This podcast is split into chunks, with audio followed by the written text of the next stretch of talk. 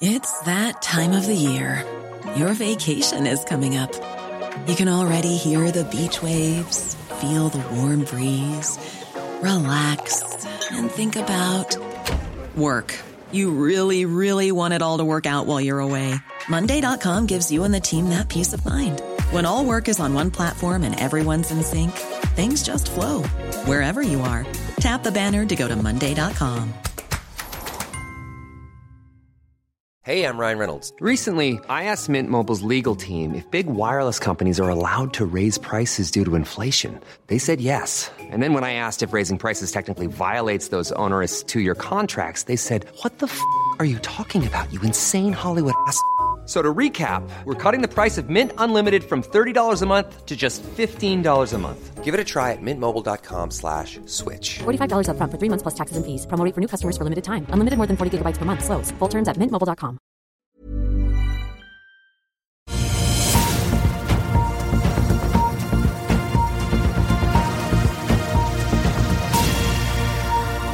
En riktig god rentetorsdag alle sammen, og velkommen til Børsmorgen her hos oss i Finansavisen. Mitt navn er Marius Lorentzen sammen med aksjekommentator Karlan Månes på Smestadammen her i Oslo.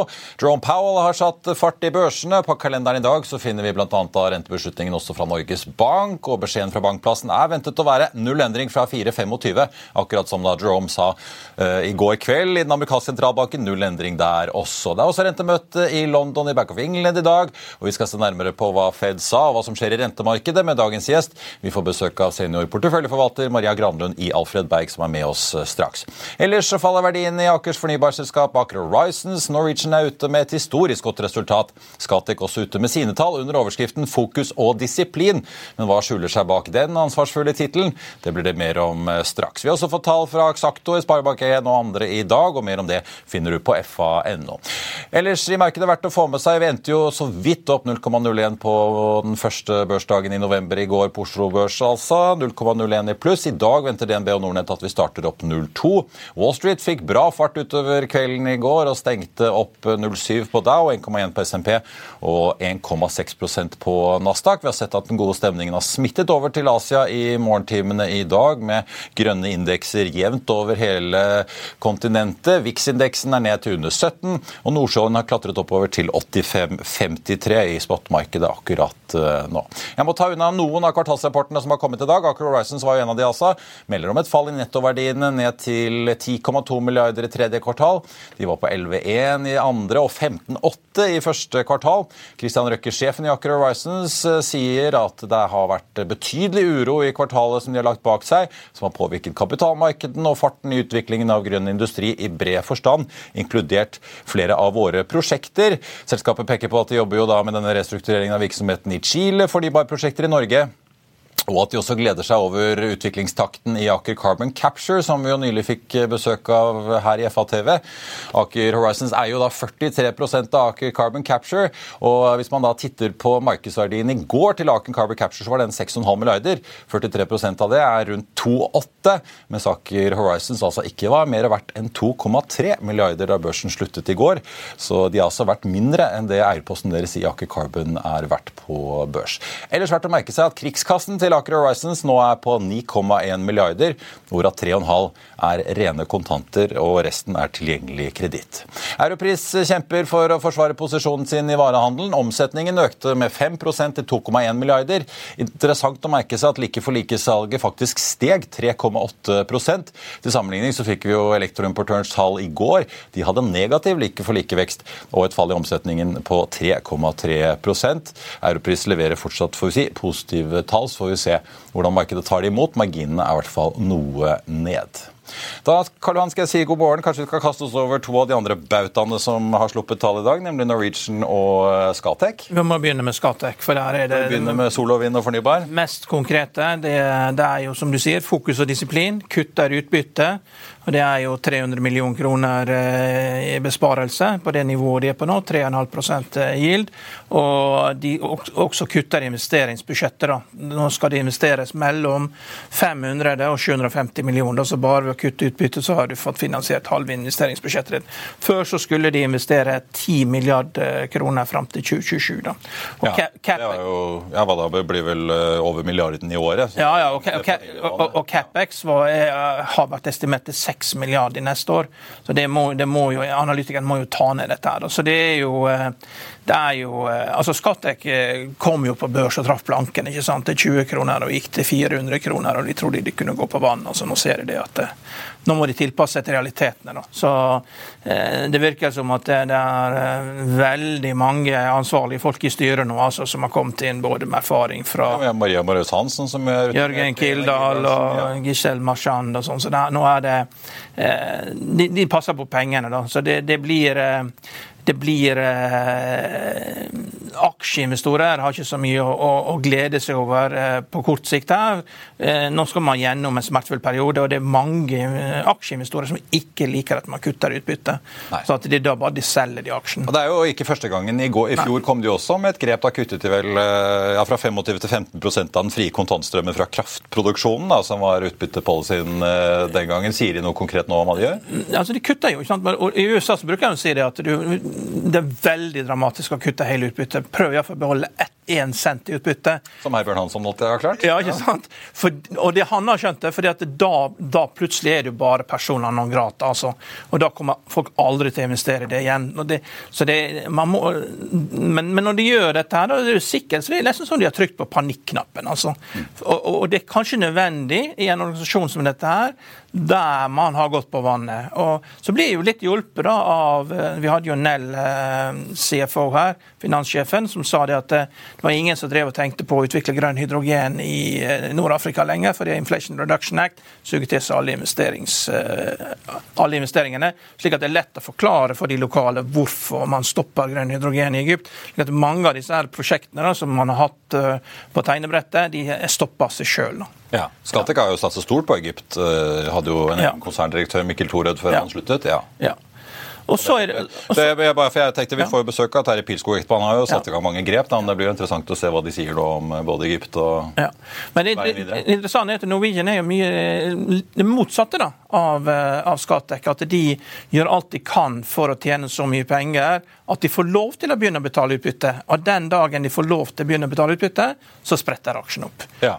Men det virker ikke så være ennå. Altså, det, det, må jo være fokus da på for analytikerne å finne ut av hvilke hindre er det som gjenstår. og Det må jo du bare bore i. De kommer jo hit de senere. Pilskog kommer hit i ettermiddag på Økonominyhetene. Geir Karlsen kommer hit i ettermiddag, ja. han også. Så da får du finne ut av det. Hva, hva er det som gjenstår før at du kan begynne å betale utbytte? For det blir... Ja, for har de nedbetatt dette NAS 03, hvis ikke jeg ja. helt feil, et av ja. lånene. For det er jo en del av disse lånene de har hatt etter restruktureringen i Irland under pandemien som hadde vilkår mot utbyttebetaling. Ja. Ja. Og, og vært ganske jeg er åpne på at de ønsker å komme dit. da. Og Lønnsomheten er veldig veldig god, men det er jo sikkert fordi at de har sånn, fortsatt sånn power hour. da, så Marginen er sånn oppe på nivå med det Southwest hadde på sitt beste. så Det, det må jo være noe kunstig høyt i de marginene de har. så Da må også analytikerne prøve å finne ut liksom, hvor er det naturlige marginnivået her, når dette her stabiliserer seg. da. Det var jo liten sånn spenning på forrige kvartalsrapport mellom Geir Karlsen og ledelsen og analytikerstanden med disse kostnadene. for det virket ja. som en del var skuffet over kostnadsnivået hos Norwegian, at de ikke hadde fått det lenger ned. Men uh, Geir Karlsen uh, påpekte jo drivstoff er dyrt. Alt har jo blitt dyrere i samfunnet, så man må jo på en måte oppdatere modellene. Nå så jeg at Ifølge vår kollega Olav Gram Døgnes så har de brukt litt mindre på drivstoff enn det analytikerne i hvert fall hadde ventet i forkant. Men eh, sånn per fly så går jo butikken veldig bra, litt som du var inne på. da, for De peker på at det faktisk beste kvartalet de har hatt noensinne, var tredje kvartal 2019. Da tjente de litt mer, men da hadde de også nesten dobbelt så mange fly. Ja, men det er også sånn at du er flyanalytiker. Det er noe av de farligste jobben du kan ha i finansindustrien. og Hvis du går gjennom alle linjene i resultatregnskapet, så er det veldig små avvik eh, på Nei, ingen, nesten ingen avvik på noen av linjene. Det er også utrolig uvanlig. da, så eh, Flyanalytikere burde hatt risikotillegg motortillegg. Det er en vanskelig bransje. De får sikkert i hvert fall morotillegg, for det er jo en artig bransje å dekke. Men ja. 9,4 eh, milliarder på bok, litt ned fra det de hadde i sommer. Da sa Geir Karlsen til over 10 milliarder inne med cash på bok. De skal jo kjøpe Widerøe. Ja. Eh, Men hvis du sitter ute, da, så er første spørsmål liksom, hvorfor betaler ikke du utbytte? Eh, og, og, og, Der er nesten ikke utenlandske aksjonærer. Med en gang de får utbytte på plass, så kommer de. Ja. Så da kan det bli et lite løft. Vi får følge med.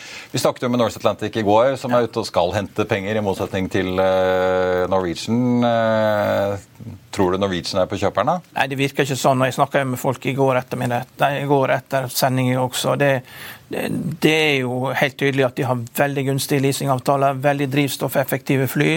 Eh, og eh, det gjør det attraktivt for de selskapene som har gamle skranglekasser, da, som, som, Lufthansa har en del av, og som British Airways har en del av. Og kan du bytte ut de og bruke de på charteroperasjoner, eller et rent charterselskap? Det er jo et perfekt fly for charter, den innredningen de har. Det er gode, store fly, og du kan For det virker som at det er god etterspørsel etter komme seg vekk fra Europa og komme seg vekk fra komme til, til Karibien eller til ja, Maldivene eller Mauritius eller hvor det nå man flyr til. Varme øyer.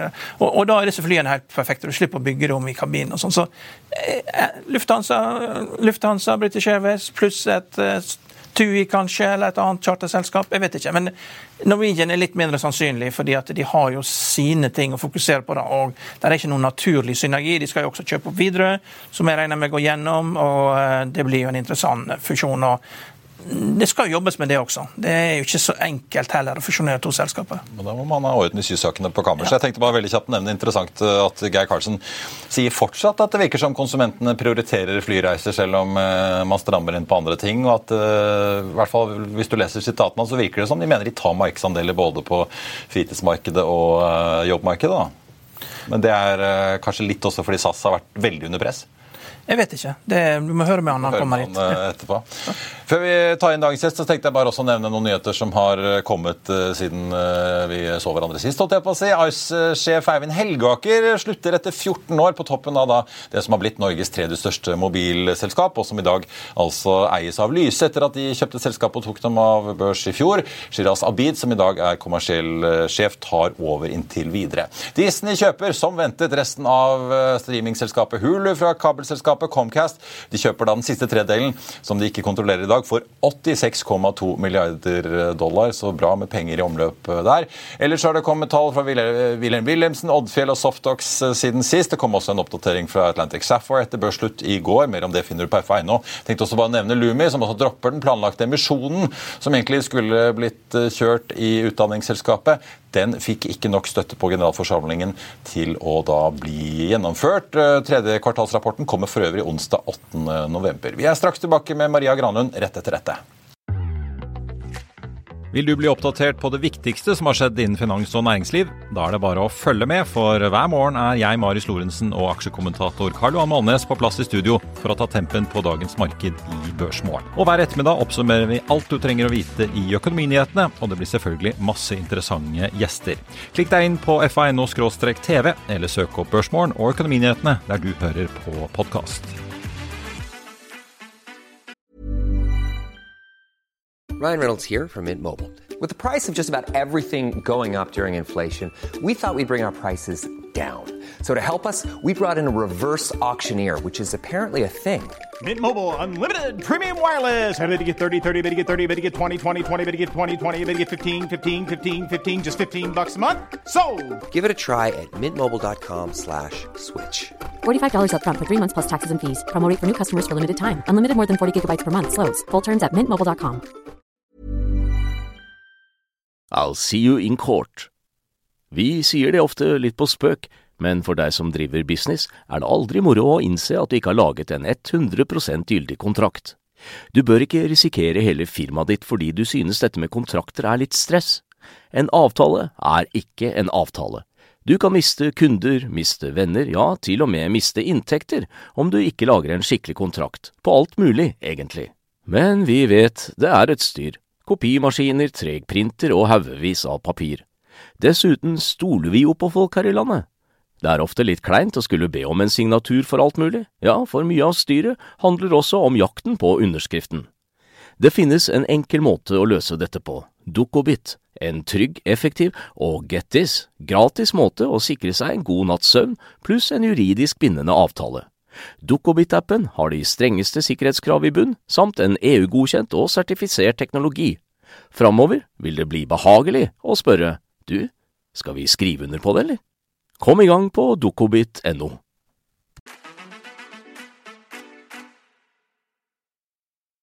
Da er vi tilbake. Jeg må nesten bare nevne som vi snakket om eh, mens reklamen gikk her. Hovedindeksen starter opp 0,2. Men Norwegian og Scatec ser ut til å bli to store vinnere på Oslo Børs i dag. Norwegian starter opp 8,4% nå til 8 88 kroner og 85 øre omtrent. Scatec stiger nesten 15% til 63,50. Men vi må snakke litt renter, dere. Federal Reserve endte altså uendret på en styringsrente mellom 5,25 og 5,5 i går, hvor den altså har ligget siden juli. Samtidig oppgraderte Federal Reserve også utsiktene for veksten i amerikansk økonomi. Og Da er det en glede for Karl Johan og meg å ønske velkommen til Maria Granlund, seniorporteføljeforvalter i Alfred Berg. God morgen og velkommen. Tusen takk. Overrasket over Federal Reserve i går, og hva de sa? Eh, nei, det var forventet. Ja, Men det Ja. går jo bra i amerikansk økonomi. BNP-veksten var bedre enn ventet. Og, Exakt. Det er det det gjør. Amerikansk økonomi går veldig sterkt. mens det er litt semre her i Europa, som dette Det er på svensk. Dårligere i eh, Europa, og vi begynner å se svakhetstegn i Norden også. Som renteforvalter, eh, hva er det du sitter og følger mest med på? Er det faren for mislighold at eh, disse Du sitter jo bl.a. med Scatec-obligasjoner. Ja, Er det om disse selskapene etter hvert begynner å slite med å betjene gjelden når rentene blir så høye som de har blitt? Ja, det er stort fokus på det. Men for tilfellet er eh, misligholdsraten, eh, eller default rate som den også kalles for, eh, 2,8 Ja. Så det er ikke mye. Så av en portefølje på 100% så er det veldig lite som går i mislighold for tilfellet. Men den har begynt å tikke opp. Eh, Den har vært lavere. Eh, Etter pandemien så gikk den ned kraftig. Ja. Nå begynner vi å se mer og mer problemer. Og da, ja, fordi 2,8 setter det litt i sammenheng for oss. fordi Du sitter jo og forvalter high yield og Ja. investment grade, eller? Ja, ja. Begge deler. Men jeg har større fokus på high yield. Ja, Og 2,8 er det omtrent der man pleier å ligge? Nei, snittet er rundt 5-6% Men da er det jo for at det er noen topper og så er det noen daler, og så drar du et snitt på det, så blir det 5,6 Ja. Ja. Så fortsatt lavt. Når er det du begynner å bli nervøs? da? Er det når du begynner å se fire, fem ja, da begynner vi å bli bekymret. Eh, og ja, da må man passe enda mer nøye på eh, at man ikke tar feil selskap.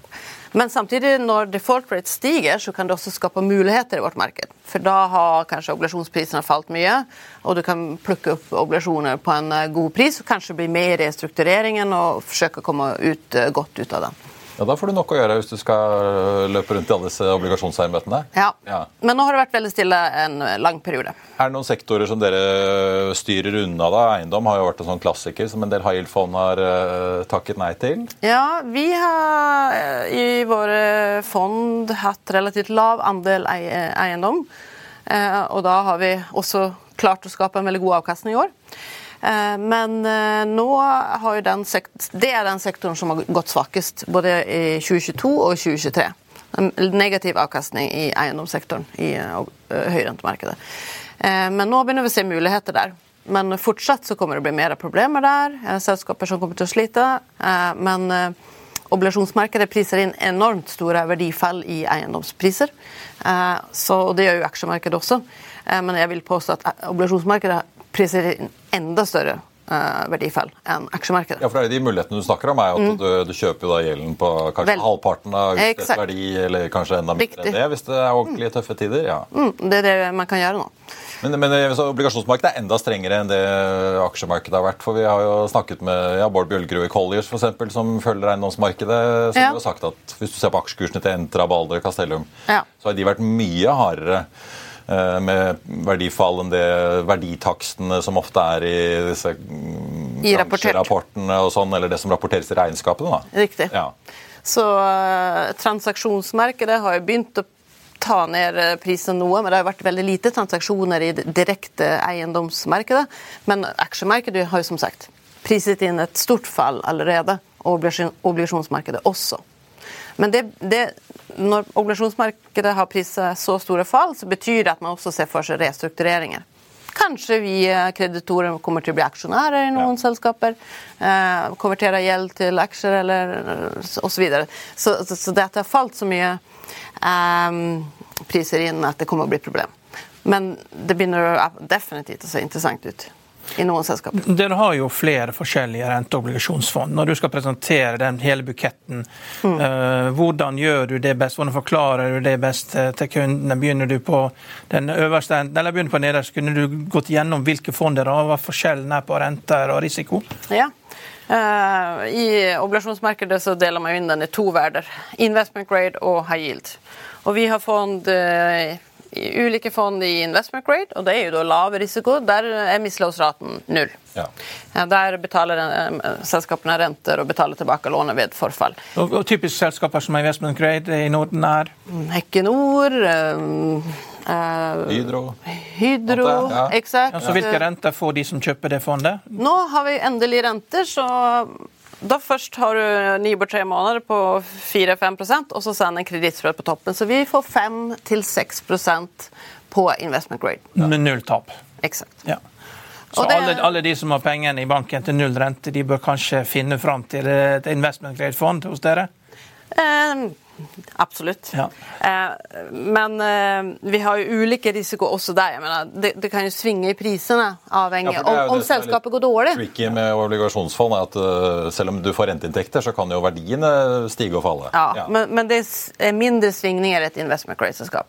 Hvis Hydro går dårlig, så kommer prisen på obligasjoner også kanskje å gå ned, men ikke, går ikke å sammenligne med aksjer eller noe annet, eh, og ikke med høy rente heller. I high yield-markedet derimot så har vi mye høyere renter, høyere risiko for mislighold. Det er det vi priser inn da. Så at uh, i, vi har en rente fra 7% til 15% i høyrentemarkedet i dag. Snittrenten i nordisk high yield i dag er eh, nesten 11% Ja. Det er jo nesten Så I hvert fall sammenlignet med hvor vi har vært. da. ja. Og vårt høyrentefond har gjort en avkastning på 11,5% year to date. Eh, så du har høye Men, så, fornøyd men så, med- med- hvordan regner du da på mislighold når du har renter mellom 10 og 12 hvordan regner, Ja. hvor- Hva sitter du igjen med etter mislighold? da? Så i vår, eh, vårt rene høyrentefond, eh, og der er Skatek og den type eh, Axactor eh, etc. Eh, type selskaper som vi investerer i. Der er da i vårt fond eh, renten 10,5 i dag. Så løpende så får vi kuponger og renteinnbetalinger på 10,5% Hvis 2% av porteføljen eh, går eh, konkurs, og vi får null Ofte så får man ikke null. Man får det er ofte 20% ja, eller exakt. Eller 50 50, ja. Så, La oss si vi har 2 da er, vi får, da er det bare 1 i tap. Så av de 10,5 så er 1% borte. Da har vi 9,5 igjen. Og alt her rentejusteres hver tredje måned stort sett? Det er ikke noen durasjonsrisiko i Eh, nordiske fond? I Norden så er rundt 75% av markedet flytende rente. Men vi har også fastrente. Ja. Eh, og det er jo opp til forvalter. Vil du ha durasjon eller ikke? Men normalt er det my mye flytende i høyrentemarkedet. Ja. Men er det interessant å se på Apropos Fed, da. Nå får vi jo se om det kommer kanskje én økning til, eller om de er ferdige. Norges Bank har kanskje én igjen. Mm. Begynner dere å vurdere å gå ut på durasjon for å sikre dere hvis det plutselig kommer rentekutt? Ja. Så i, i de, de mandater, sett over hele skalaen av fond vi har, de mandater som kan gå ut i durasjon, der har vi begynt å gjøre det. Derfor at hvis vi har nådd rentetoppen, så er jo risikoen for at renter skal gå opp. Har du durasjon, da går jo avkastningen ned. Eh, Du får en eh, hevstångseffekt av durasjon. Når renter stiger, så går avkastningen ned. Men når renter går ned, da tjener du ekstra penger utover kupongen. Eh, Så vi har begynt å gå ut litt på durasjon, ja. Men vi ser at markedet priser inn at renter skal forbli hø- høye veldig lenge. Ja. Eh, Så at eh, da kan man kanskje gå ut litt i durasjon, og så eventuelt Om man tror, ser for seg at renter skal gå ned etter hvert, så, så vil du få en ekstra avkastning å ha durasjon. Ja, ikke sant. Men ta det da, hvis du enten er renteinvestor eller aksjeinvestor og ser på da, eiendom. Jeg så DNB Markets var ute med en vurdering på Balder hvor de sa at ja, nå har nok uh, gjeldstoppen uh, blitt nådd, men det er fare her for fortsatte emisjoner, fortsatt uh, refinansiering. Hvordan, når du selv går inn, og du har jo lang erfaring fra rentebransjen og har vel gjort noen regnestykker opp gjennom årene på hvordan du som renteinvestor kommer ut av en sånn restrukturering hvor du kanskje kjøper deg inn på Ja. x prosent, og så blir det en restrukturering og en haircut. og Hva er det du må se før du føler deg komfortabel med å gå inn? på en måte? Uh, man må Vi, vi akkurat når, når det er restrukturering, da, er, da blir vi plutselig aksjeinvestorer. Da begynner vi å se på hva er verdien på selskapet. Eh, hvor, hvor la, og da begynner vi å se på multipler. Uh, EV, EBITDA etc. Eh, for at eh, hvis jeg ser at obligasjoner har falt så mye i pris at det, jeg kommer til å ha en vurdering, vurdering, som er under enterprise value, da har jeg jo en oppside her. Da, da går det fint å uh, konvertere gjelden til aksjer osv., for jeg har en oppside. Ofte faller obligasjonene mer i pris enn det som kanskje uh, burde. Rasjonelt, ja. Ja. Så at um, I eiendomsmarkedet så ser vi nå da at uh, obligasjonsprisene priset inn kraftige verdifall.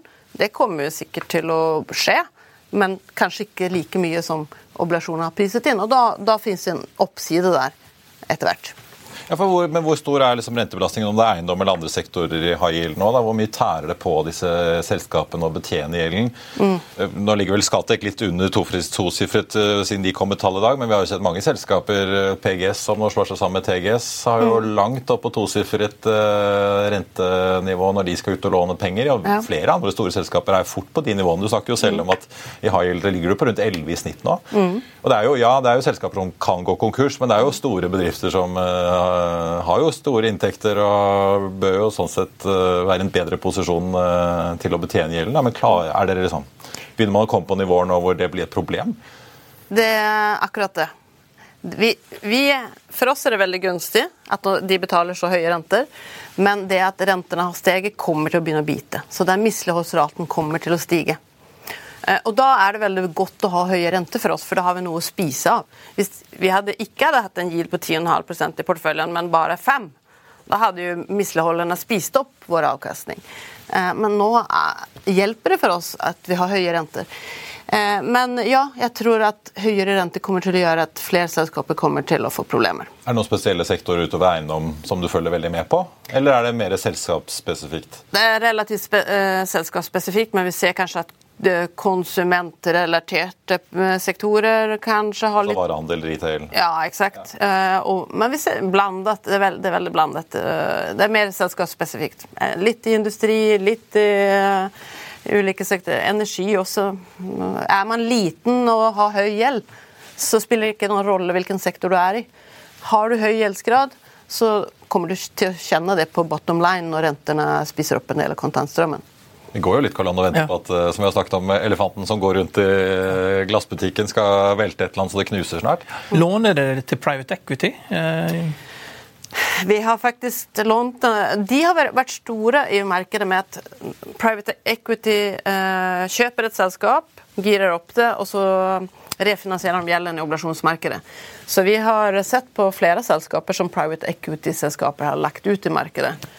Ofte så er det en business med en fin kontantstrøm de kjøper, men de setter litt for høy gjeldsgrad på dem. Ja. Nå, nå tror jeg de sliter litt. minst. Ja, exakt. Ja. Eh, Så at eh, der må man være litt mer eh, forsiktig med de selskapene. Som, Dette er private equity. Det er folk som har seilt i medvind hele livet, og så plutselig så snur vinden og blir dårlig vær, og det er ingen som kan styre båten. Men det var sagt interessant. Håkon Astrup, Ja. som jo er en skarp bank- og finansanalytiker her i landet, sa jo det på Investordagen at en av de sektorene i tillegg til eiendom som han følger med når han skal passe på utsiktene for bankene, er faktisk utlån til private equity. Ja. Ja. Jeg så jo nå Der kan det komme Et av de største private equity-selskapene stoppet jo børsnoteringen sin. I CWC skulle Ja. så de stoppet jo det. De skjønte klimaet var ikke helt rett. Ja, i er hvert fall hvis de sliter med å Men altså, det, det, det, det, er jo sånn, Vi fokuserer jo på eh, eiendom, vi fokuserer på offshore og eh, litt private equity. Men banksystem som sådan, da, hvordan ser dere på det? Har dere, gjør dere noen store vurderinger på om, hvor sunt det er? Eh, vårt inntrykk er at det går bra. At vi har sunne banker her i Norden. Og vi ser at tapene kommer sikkert til å øke litt. Eh, de, vi ser at eiendom eh, er en del av de, den sektor som eh, de, bankene ser mer tap i. Men vi er ikke bekymret, eh, egentlig. Eh, Men så det enda, den enda største elefanten, amerikansk statsgjeld. De har jo et enormt budsjettunderskudd som krever finansiering. Hvordan ser dere på det? Ja, det er veldig interessant, for renter har jo steget kraftig de siste månedene. Eh, og en, en ny dimensjon i det er statsgjelden, eh, og hvor mye av så Fitch nedgraderte eh, USAs trippel A-rating 1.8 fra trippel A til dobbel A pluss. Og en årsak er at de har høy gjeldsgrad. Eh, 3 av BNP går til rentekostnader. Fitch forventer i 2025 at de skal øke til 6% av BNP. Så eh, det begynner å bli en sånn større fokus på staters eh, eh, budsjettunderskudd eh, og betjeningsevne. Betjeningsevne, ja. Og det er bare å se på rentemarkedets fokus på amerikansk eh, hvor mye de skal ta opp i gjeld. Det, det begynner å ha en påvirkning på lange renter. Eh, Så at Igjen, høy gjeldsgrad eh, og høye renter vil slå på de som har mye gjeld. Ja, Til og med på stat, statsnivå så begynner det å slå inn på lange renter. Det var vel så mange som fulgte med på detaljene rundt uh, Treasurys auksjoner i går, Exakt. som rentemøtet til uh, Jerome. Hvor mye og hvor lang løpetid. og Mm. Det ble mye Treasury bills fra, fra Janet Yellen, så vidt jeg kunne se. Ja. Mm, exakt. Men nei, vi hadde jo eurokrisen for hva da, ti år tilbake med Hellas og mange av disse Mm. landene. Men er det stort sett USA fokuset er på nå, eller er det andre Ehm, Italia er alltid litt i fokus. Det, det er ikke kjempestort fokus, men det har økt i det siste. Ja. Eh, på hvilken land er det som eh, Ja, det er absolutt økende. Det er ikke noe sånn eh, europakrise eller 2012, var det det? ja. Ehm, men eh, mer og mer fokus på det. Er det sånn at dere også følger med på det som skjer med japanske igjen og gilden der? Er det, har dere fokus på det? Nei, ikke noe stort Nei. fokus. Nei. Men vi følger, selvfølgelig følger vi med på nyhetene der også. Men det Ja. Innimellom så er det viktig òg. Ja. Maria Granlund, senior porteføljeforvalter i Alfaberg, tusen takk for at du eh, kom til oss. Eh, Hovedindeksen på Oslo Børs nå opp eh, 0,5 prosent. Karl Johan Equinor må se seg slått i dag på mest omsatt-listen av Norwegian, som eh, ikke bare er mest omsatt, men også opp 9,1 prosent nå. Det virker som kvartalsrapporten, i motsetning til forrige gang, tas imot med jubel. ja, det er gode tall. Scatec opp 15 Aker Horizons opp halvannen. Lystige saker. Selv for øvrig opp en snau halvprosent, ser det ut til foreløpig på deres kvartalsrapport som kom rett før vi satte oss i studio. Men skal vi snakke litt uh, mer om fornybar, for vi har jo fått Skatek-tallene. og Tallene fra en annen fornybaraktør uh, på andre siden av dammen ble ikke like godt mottatt i går. Solar Edge tanket uh, 23 i etterhandelen i går. Ja, og det er liksom bare et par uker etter de kom med profit warning, der aksjen falt med like mye. Så det er jo, eh, er jo helt katastrofe, dette her. Og eh, de melder jo om vesentlig lavere etterspørsel, og spesielt i Europa, for eh, solutstyr. Eh, Solindustriutstyr, altså sånn invertere og likerettere og vekselrettere, det som er spesialiteten deres. Samme som Enphase har. Ja. Det er jo øh, endte på tap og ventet et øh, overskudd og forventet omsetning fjerde kvartal rundt Halvert. 350 millioner dollar. Halvert av Ja. det som kom øh, nå. Det, det er opprems, altså. Eh, Solutstyr, eh, solindustri, det er eh, nice to have, not need to have. Eh, Dessverre. Et, en annen ting som er nitøv, Qualcomm kom med tall i går. øh, overrasket, egentlig. Altså, de har jo hatt en nedgang i salg og omsetning, de òg. Det er vel svakere, svakere smarttelefonsalg, da, men ganske god guiding for julekvartalet nå. Ja, jeg, jeg så ikke på Qualcomm-tallene. Det, det, det er mye tall nå. Mye tall. Det er mye merker- tall, mye merker tall. til og med Toyota, som har fått så mye kjeft for å ikke satse nok på elbil, jekket opp guidingen sin fordi at hybridsalget går så det griner. Ja. Ikke bare i Nord-Amerika, men andre regioner òg, virker det sånn. Ja. Nei, det er mange bevegelige deler nå. Vi får eh, følge med videre. Og så ble det salg av Hulu, da. Ja, Ja. Det, men det, Disney har store problemer. Altså. De vet ikke helt hvor de skal sette føttene. nå, Så jeg tror man skal være forsiktig med Disney-aksjen. Det, det er ikke nok å bare telle abonnenter. vet Du Du kan ansette en, en sjef fra, fra Han som sjefen for digitale han var fra Pakistan. Det er klart det er jo lett å selge antall abonnenter i Asia, bare du setter prisen lav nok. Hvis det er om å gjøre å få flest mulig abonnenter. Men du må jo telle kroner i den digitale verden. Så eh, de har et stort problem eh, med å finne ut hvordan de skal navigere seg i dette landskapet. Jeg tenkte bare eh, til slutt å nevne Ørsted. 25,7 i minus på København-børsen i går. Mer enn halvert så langt i år.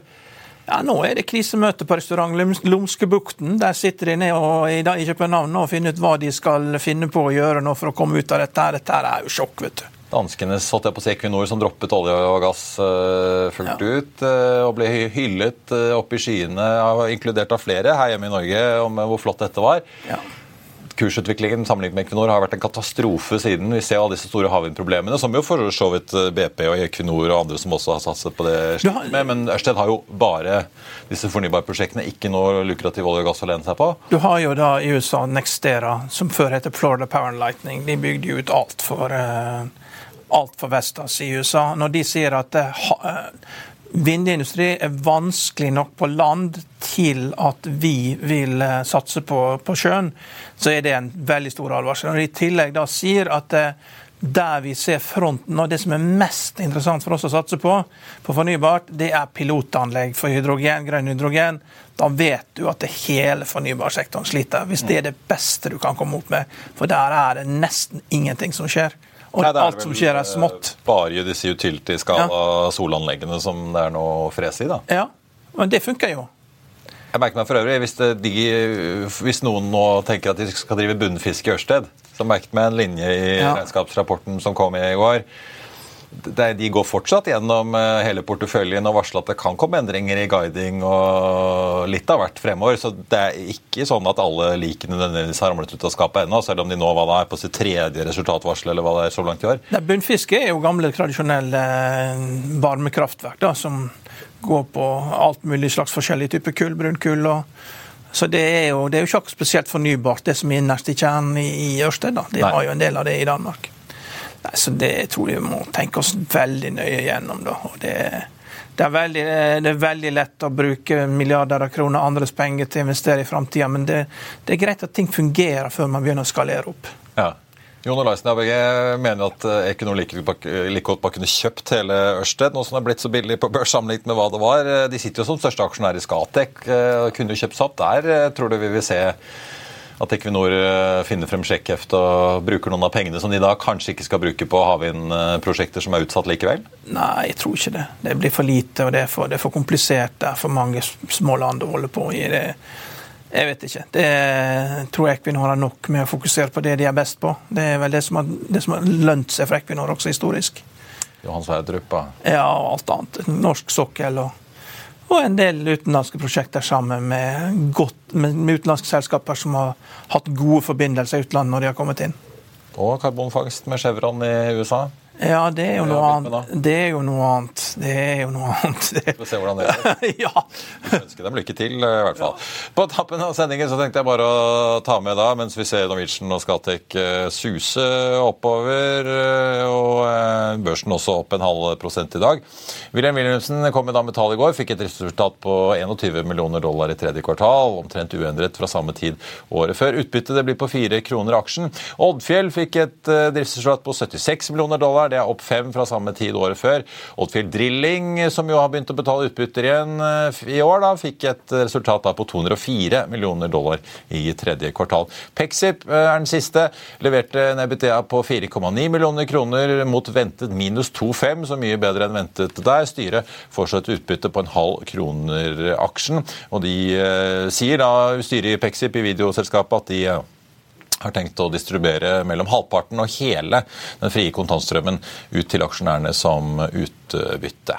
Og Det var børsmålen for denne torsdag 2. november. Husk å få med deg altså Økonominyhetene 14.30. Da får vi både med oss konsernsjefen i Norwegian, Geir Karlsen, og i Scatec, Terje Pilskog. I mellomtiden så får du siste nytt på FA1 og gjennom hele dagen. Ha en riktig god torsdag, alle sammen. Vi ses.